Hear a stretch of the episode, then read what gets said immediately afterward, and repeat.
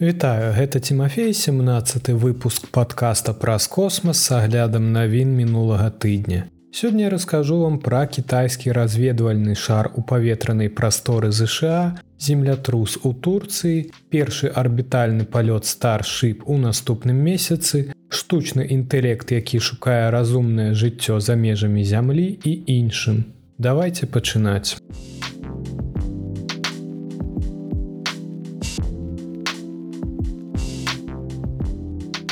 Я хацеў бы пачаць з навіны, пра якую я думаю, вы чулі. Гэта адбылося ў канцы мінулага тыдня і не паспела патрапіць у 16 выпуск падкаста. Кітайскі разведвальны шар у паветранай прасторы ЗША выклікаў міжнародны рэзананс. Паветраны шар быў заважаны недалёка ад білінгса штат Мантана, калі ён здавалася лунаў нерухома высока ў небе паўночнае камандаванне ЗША і паўночна-амерыканскае камандаванне паветрана-касмічнай абароны пацвердзілі, што яны выявілі і адсочваюць аб'ект над кантынентальнай часткай злучаных штатаў. Па словах камандзіра генерала Глена Ван Херка паветраны шар не ўяўляў фізычнай ці ваеннай пагрозы для каго-небудзь на зямлі. Міністерства замежных спраў Китая выступіла з публічным выбачэннем у пятніцу 3 лютага, што пацвярджае, што дырыжабль сапраўды з Китая і што ён цытата з'яўляецца грамадзянскім дырыжаблем для даследчых у асноўным метэаралагічных мэт. У заяве Китая гаворыцца, што дырыжабль адхіліўся ад курсу з-за вятроў захаду і што кітайскі бок шкадуе аб ненаўмысным уваходзе дырыжабля ў паветраную прастору ЗША. Але нягледзячы на прабачэнне у суботу 4 лютага знішчальнік F22 знішчыў паветраны шар ракетай сайдвіндер. У той час дырыжабль без экіпажа знаходзіўся над атлантычным акіянам недалёка ад узбярэжжа паўднёвай караліны. Ён ляцеў на вышыні ад 18300 до 19800 метраў. У той час як F22 знаходзіўся на вышыні каля 17700 метраў. Паведавала міністерства обороны ЗША у абнаўленні ў суботу. Для даведкі камерцыйныя авіялайнеры лётаюць на сярэдняй вышыні каля 10700 метраў. Рэшткі дырыжабля упалі прыкладна ў 10 кіламетрах ад узбярэжжа паўднёвай караліны на глубіню каля 14 метраў. Па словах вайскоўцаў мелкаводдзе павінна дазволіць знайсці хаця б частку абломкаў, аналіз якіх можа раскрыць дэталі кітайскай тэхналогіі назірання. Неназваны высокапастаўлены чыноўнік міністерства обороны у абнаўленні міністерства обороны ЗША кажа, што ён таксама хацеў бы адзначыць, што хоць яны зрабілі ўсе неабходныя крокі для абароны ад збору канфідэнцыйнай інфармацыі з дапамогай аэрастата назіральніка Китая, пралёт аэрастата назіральніка над тэрыторыяй ЗША меў разведвальнае значэнне. Ён не мог удавацца ў падрабязнасці, але яны змаглі вывучыць і старанна агледзець паветраны шар і яго абсталяванне ў палёце, што было вельмі каштоўна, сказаў чыноўнік. Чыноўнік таксама паведаміў, што кітайскія паветраныя шары праляталі над кантынентальнымі часткамі ЗША як мінімум тры разы падчас праўлення папярэдніка байдена на пасадзе прэзідэнта Дональда Трампа.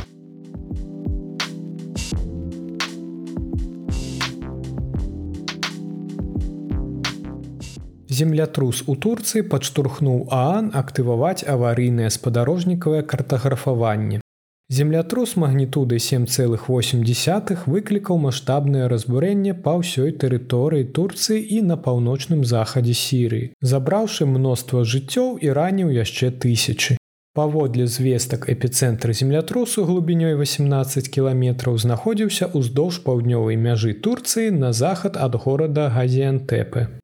Пасля разбуральнага землятрусу спадарожнікавы цэнтр арганізацыі аб'яднаных нацый скарочана юнасад абвясціў у цвітары ў панядзелак 6 лютага, што ён актываваў сваю службу картаграфавання надзвычайных сітуацый, якая забяспечвае аналіз спадарожнікавых здымкаў падчас гуманітарных надзвычайных сітуацый, звязаных са стыхійнымі бедствамі, складанымі надзвычайнымі і канфліктнымі сітуацыямі. Жывую карту, якая змяшчае геапрасторавыя дадзеныя звязаныя з землятрусам 6 лютага ў Турцыі і сірыі можна знайсці на вэб-сайце Юнасад. На карце прадстаўлен агляд мясцовасці, якая была пашкоджана або патэнцыйна пашкоджана ў выніку землятрусу.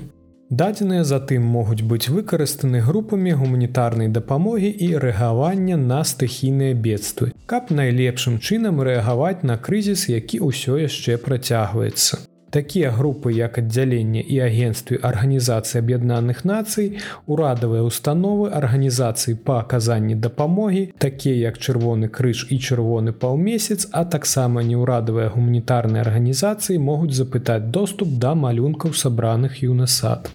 Юнасад пачаў сваю працу ў 2001 годзе і размяшчаецца ў еўрапейскай арганізацыі ядзерных даследаванняў. Яго першапачатковая мэта заключаюцца ў тым, каб даць арганізацыі аб'яднаных нацый спадарожнікавы аналіз і навучэнне для дзяржаў-членаў Аан.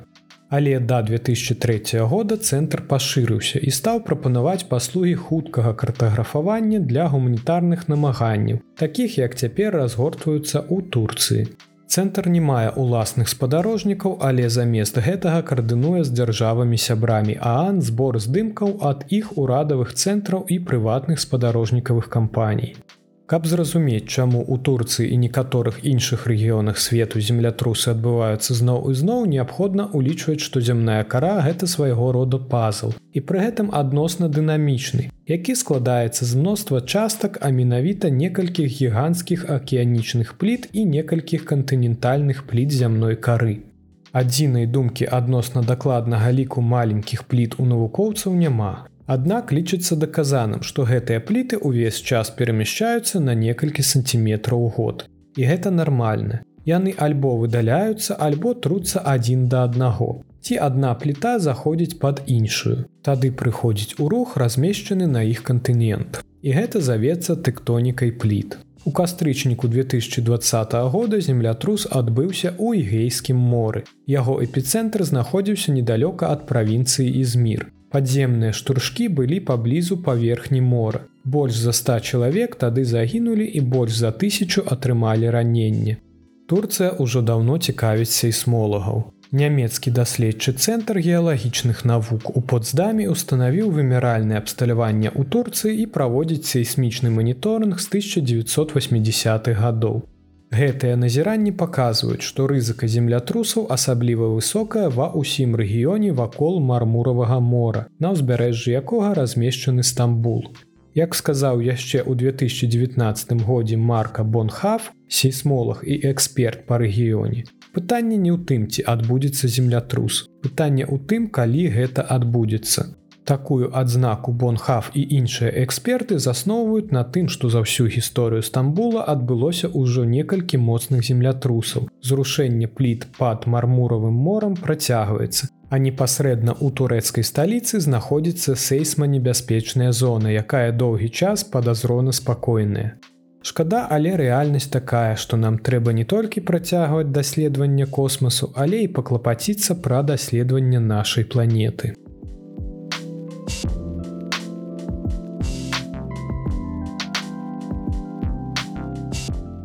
Ілон Маск кажа, што SpaceX прыглядаецца да сакавіка для першага арбітальнага палёту старship. Мы можам быць усяго ў месяцы ад першай гісторыі спробу арбітальнага запуску старship. SpaceX паспрабуе ўпершыню адправіць сваю велізарную ракету старship на калязямную арбіту ў сакавіку. Пры ўмове, што карабель паспяхова пройдзе яшчэ некалькі пунктаў праверкі, заявіў сааснавальнік і генеральны дырэктар кампаніі Ілон Маск на мінулых выхадных. Калі астатнія тэсты пройдуць добра, мы паспрабуем запусціць старship у наступным месяцы, сказаў Маск у твиттары ў суботу 4 лютага. Поспех далёка не гарантаваны, але хваляванне гарантавана. Дадаў ён у іншым цвіце ў нядзелю 5 лютага. SpaceX распрацоўвае старship для дастаўкі людзей і грузаў на месяц і марс, а таксама для выканання шэрагу іншых касмічных палётаў, такіх як пад'ём буйных інтэрнэт-спадарожнікаў Starлін другога пакалення. Маск сказаў, што цалкам шматразовы транспартны карабель, які складаецца з гіганцкай першай прыступкі пад назвай суперхэві і касмічнага карабля верхняй прыступкі вышынёй 50 метраў вядомага як старship можа зрабіць каланізацыю марса эканамічна мэтазгоднай у будучыні.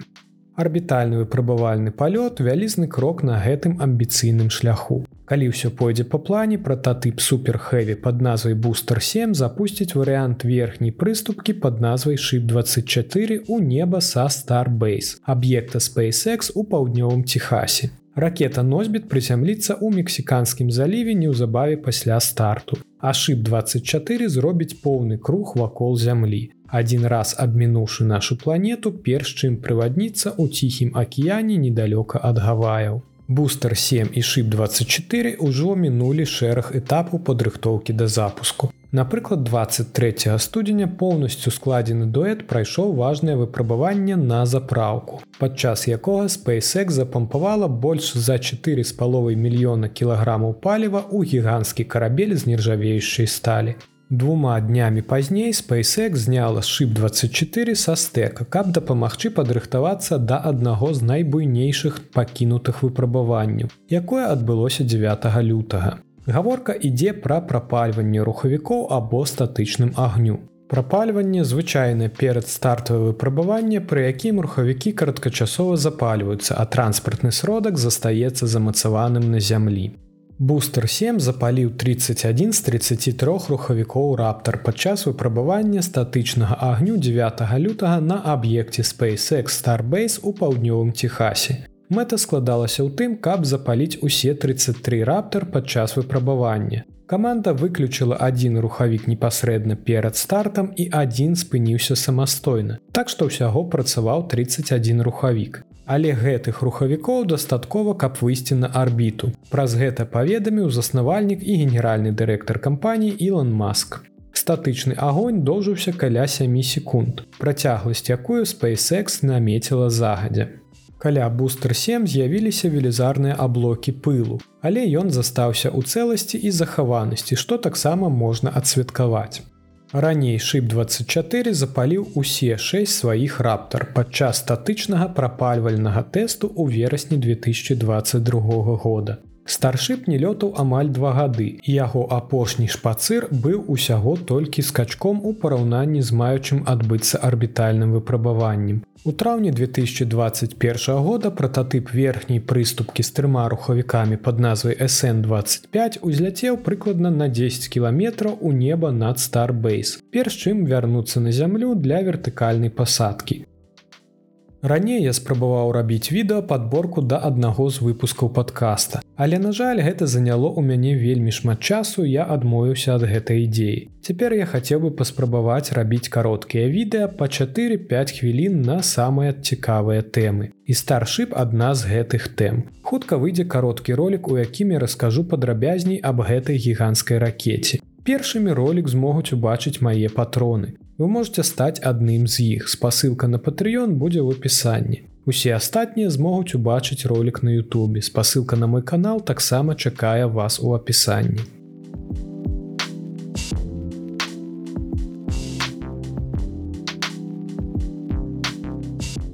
Малюсенькі месяцовы зонд NASAа не можа выйсці на месяцовую арбіту, як планавалася.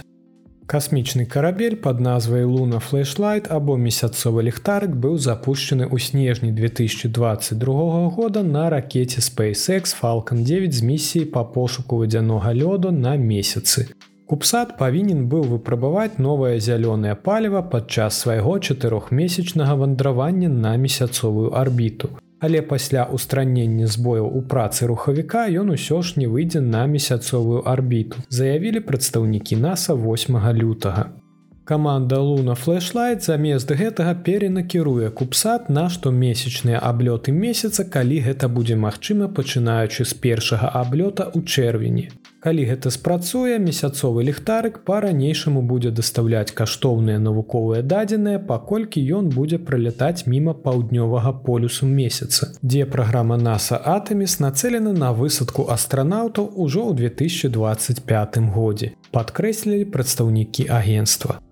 Запуск луна флешлайт 11 снежня прайшоў бездакорна. Малюсенькі зонд узляцеў у космас разам з прыватным японскім месяцаходам, на борце якога знаходзіцца месяцаход рашыт, пабудаваны ў аб'яднаных арабскіх эміратах. Гэта месяцовая пасадачная місія, якую ўзначальвае такійская кампанія iSpace павінна прызямліцца ў красавіку.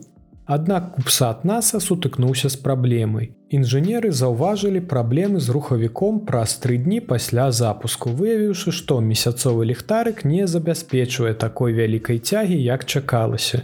Яны вызначылі, што тры з чатырох рухавікоў купсату не працавалі належным чынам. Адной з мэт луна флешлайт было дасягненне амаль прамалінейнай гала арбіты да запланаванага выкарыстання гэтага шляху касмічнай станцыі NASA Gateway, ключавой часткай інфраструктуры Атэміс. Эта арбіта праходзіць пад паўднёвым полюсам месяца, куды NASA хоча даставіць астранаўтаў перш чым адправіцца далёка ў космас. На шчасце яшчэ адна малюсенькая выпрабавальная месяцовая місія под назвай капстан у цяперашні час выдатна працуе ў месяцовай гала арбіце. Неўзабаве пасля таго, як упершыню ўзніклі праблемы з рухавіком NASAа і партнёры па місіі з тэхнічнага інстытута Джорджыі падлічылі, што луна флешлайт усё яшчэ можа дасягнуць месца прызначэння, выкарыстоўваючы серыю запускаў аднаго рухавіка. У студзені каманда разгарнула касмічны карабель з хуткасцю адзін абарот у хвіліну і запусціла рухавік на некалькі дзесяцихвілінных перыядаў. Спачатку інжынеры думалі, што змогуць выйсці на правільную арбіту за 20 дзён. Але адзіночны рухавік пачаў працаваць горш, пісалі прадстаўнікі NASAа. І стала ясна, што ствараемай цягі недастаткова, каб выйсці на запланаваную арбіту. Нягледзячы на праблемы з рухавікамі, іншыя сістэмы месяцовага ліхтарыка застаюцца ў працоўным стане. І застаецца яшчэ адзін варыянт наблізіць яго да месяца. Цяпер NASAа і тэхнічны інстытут Джорджыі плануюць выціснуць любую пакінутую цягу, якую можа забяспечыць рухальная установка. Каб замест гэтага вывесці касмічны карабель на высокую калязямную арбіту, Шлях, які дазволіць аблятаць месяцовы полюс прыкладна раз на месяц. Манёўры пачаліся ў чацвер 9 лютага з надзеяй, што зонт накіруецца да сваёй першай арбіты месяца ў чэрвені. Калі купсад дабярэцца туды, усе сістэмы пачнуць сваё паляванне за вадзяным лёдам. Прадстаўнікі NASAа дадалі, што ключавая прылада для пошуку вады, чатырохлазерны рэфлектаметр добра працаваў падчас выпрабаванняў. Гэты міні-інструмент з'яўляецца першым у сваім родзе. Ён распрацаваны і адкалібраваны для пошуку лёда ўнутры пастаянна зацянённых кратараў на паўднёвым полюсе месяца.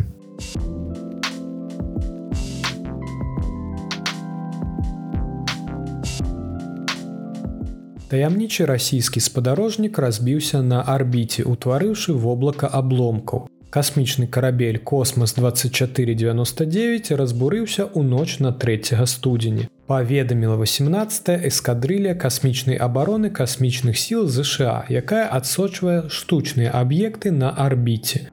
У выніку разбурэння ўтварылася не менш за 85 адсочваемых абломкаў. Гэта воблака касмічнага смецця круціцца на вышыні 1169 кіламетраў. Спадарожнік быў запущены на калязямную арбіту ў траўні 2014 года на расійскай ракете рокат разам з трыма ваеннымі спадарожнікамі сувязі раднік. Космас 2499 афіцыйна не быў уключаны ў маніфест запуску. Амерыканскія спадарожнікавыя сістэмы адсочвання першапачаткова занеслі яго ў каталог як абломак под назвай аб'ект і, але затым абломкі пачалі здзяйсняць манёўры. Відаць, збліжаючыся з разгонным блокам роката брыз М. До конца кастрычніка 2014 года ЗША афіцыйна перекласіфікавала аб'ект і як карысную нагрузку замест фрагмента. І нарэшце унеслі яго ў каталог як космас 2499. На той момант военные ЗША пераправяралі арбітальныя параметры загадкава спадарожніка па 3-4 разы на дзень. Аналіз элементаў арбіты паказваў, што космас 2499 знаходзіцца ўсяго ў 75 метрах ад брыз М9 лістапада 2014 года. Касмічны карабель неўзабаве адступіў але 25 лістапада наблізіўся яшчэ бліжэй, наблізіўшыся да корпуса ракеты на адлегласці 530 метров. Такая дзейнасць прывяла да здагадак, што космас 2499 і космас 2491 знешне падобныя аб'екты запущеныя на калязямную арбіту ў снежні 2013 года і тэсціруюць яны тэхналогію якая можа дазволіць касмічным караблям пераследаваць і магчыма нават выводзіць са строя іншыя спадарожнікі Сапраўды Олег Астапенко, тагачасны кіраўнік расійскага федэральнага касмічнага агенства Роскосмас выступіў з такімі чуткамі на прэс-канферэнцыі ў снежні 2014 года. Па словах Астапенкі спадарожнікі распрацоўваліся ў супрацоўніцтве з раскосмасам і расійскай акадэміі навук і выкарыстоўваліся ў мірных мэтах. Яны выканалі сваю місію, сказаў Астапенка, не ўдакладніўшы, у чым заключалася гэта місія. Нягледзячы на словы Астапенкі космас 2499 час ад часу заставаўся актыўным яшчэ некалькі год. Напрыклад, спадарожнік шырыня якога паводле звестак наземных назіранняў не превышала 0,3 метра у пачатку 2017 года выканаў некалькі манёўраў. Але дні манёўраў космасу 2499 скончыліся, бо спадарожнік перастаў працаваць. Яго смерць дадала яшчэ больш смецця і без таго перагружанае асяроддзе. Па дадзеных еўрапейскага касмічнага агенства каля 36 500 кавалкаў касмічнага смецця памерам менш за 10 сантиметраў круцяцца вакол нашай планеты. І гэта толькі тыя аб'екты, якія дастаткова вялікія, каб іх можна было адсочваць. На арбіце зямлі верагодна знаходзіцца больш за 130 мільёнаў аб'ектаў дыаметрам не менш за 1 міліметр. Нават аскепкі ў ніжняй частцы гэтага дыяпазону памераў могуць нанесці шкоду спадарожнікам і іншым касмічным караблям, улічваючы, як хутка рухаюцца аб'екты на арбіце. Напрыклад, міжнародная касмічная станцыя, якая круціцца на сярэдняй вышыні каля 400 кіламетраў ляціць вакол планеты з хуткасцю каля 28 тысяч кіламетраў у гадзіну.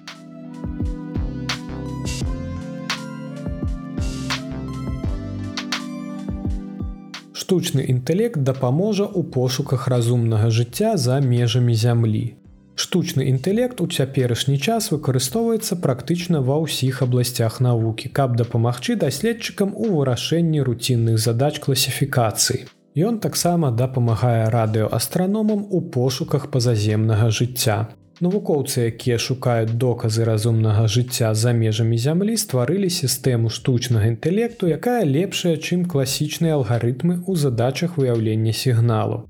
Штучны інтэлект быў навучаны шукаць у дадзеных радыотэлескопаў сігналы, якія не маглі быць згенераваны натуральнымі астрафізычнымі працэсамі. Калі даследавальнікі перадалі штучнаму інтэлекту раней вывучаныя дадзеныя, ён выявіў 8 сігналаў, якія ўяўляюць цікавасць.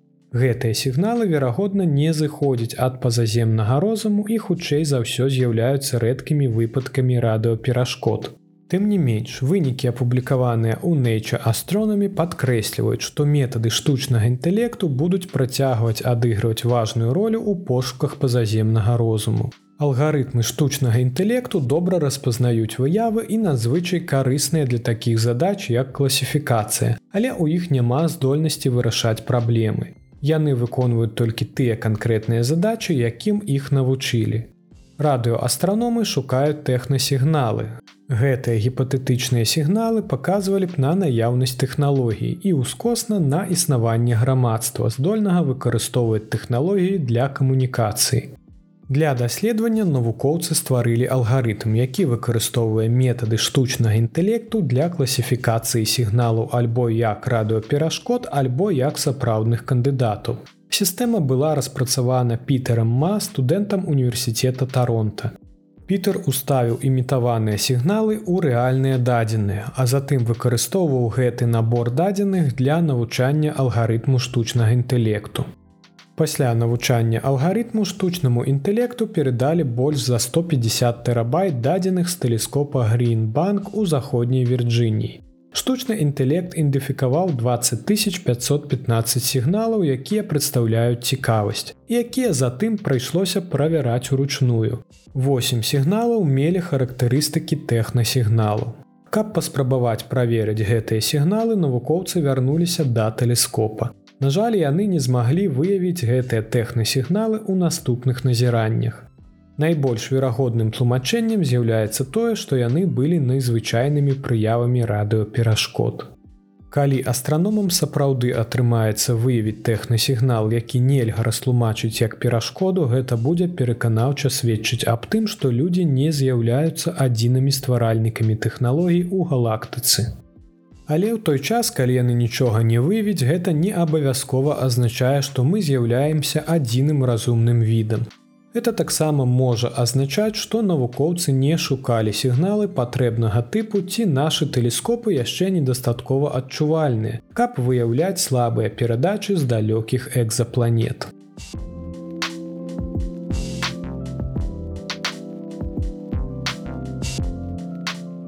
Гэта ўсе навіны, пра якія я хацеў расказаць вам у выпуску. Цяпер пагаворым аб падзеях наступнага тыдня.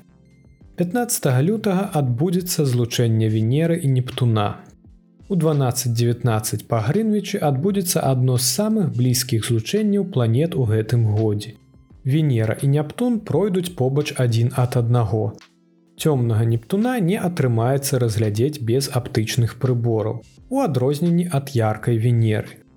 Пачынайце назіранне ўвечар адразу пасля заходу і назірайце за тым, як планеты павольна апускаюцца да гарызонту. Абодва нябесных целы будуць у сузор'і вадалея. Каб лепш разабрацца ў зорным небе і адразу знайсці патрэбны аб'ект, вы можете выкарыстоўваць праграму Sky Tonight або Star Walk 2. У гадзіну 44 ночы па грынвічу 12 лютага японская ракета H3 запусціць свой першы выпрабавальны палёт са спадарожнікам назірання зямлі для японскага агенства аэракасмічных даследаванняў. Спадарожнік будзе рабіць здымкі з высокай якасцю і шырокім ахопам усіх паверхняў сушы ў свеце, адпраўляючы дадзеныя ў галіне кіравання стыхійнымі бедствамі, землекарыстання, разрастання гарадоў, навуковых даследаванняў, а таксама маніторынгу навакольнага асяроддзя прыбярэжнай зоны і расліннасці. Ракета H3 для выпрабавальнага палёту 1 будзе ў канфігурацыі з двумя рухавікамі першай прыступкі, двумя цвердапальнымі паскаральнікамі і кароткім абцякальнікам карыснай нагрузкі на наступным тыдні не абыдзецца і без SpaceX. 18 лютага ракета SpaceX Falcon 9 запусціць спадарожнік сувязі Inmarsat 6F2 для лондонскай кампаніі Inmarsat. Створаны кампаній Airbus Defense and Space спадарожнік нясе карысную нагрузку L-дыапазону і К-дыапазону для аказання паслуг мабільнай сувязі з самалётам і караблям. Дзякуй, што даслухалі да канца. Да пабачэння пачуемся на наступным тыдні.